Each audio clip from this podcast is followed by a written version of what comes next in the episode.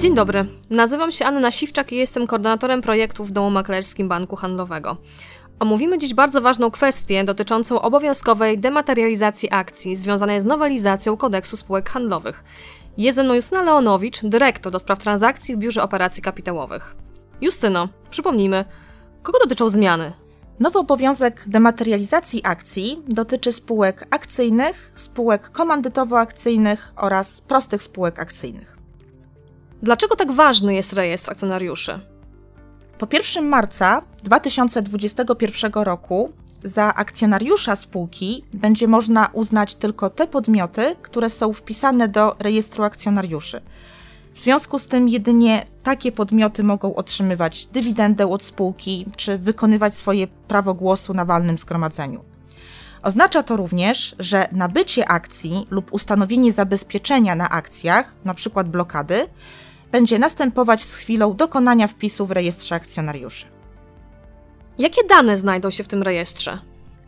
Rejestr akcjonariuszy będzie prowadzony w formie elektronicznej i odzwierciedli dane dotyczące akcjonariatu w danej spółce, niezależnie czy są to akcje na okaziciela czy akcje imienne. Rejestr będzie również zawierał informacje o wszelkich ograniczeniach co do rozporządzania akcjami. Czy coś się zmieniło w tych regulacjach ze względu na COVID-19? Tak. W ramach tarczy antykryzysowej 3.0 kluczowe terminy zostały wydłużone o 3 miesiące. Najbliższy ważny termin to 30 września 2020 roku. Do tego czasu walne zgromadzenie spółki musi wybrać podmiot, który będzie prowadził dla niej rejestr akcjonariuszy oraz podpisać z takim podmiotem umowę. Kto może prowadzić rejestr akcjonariuszy?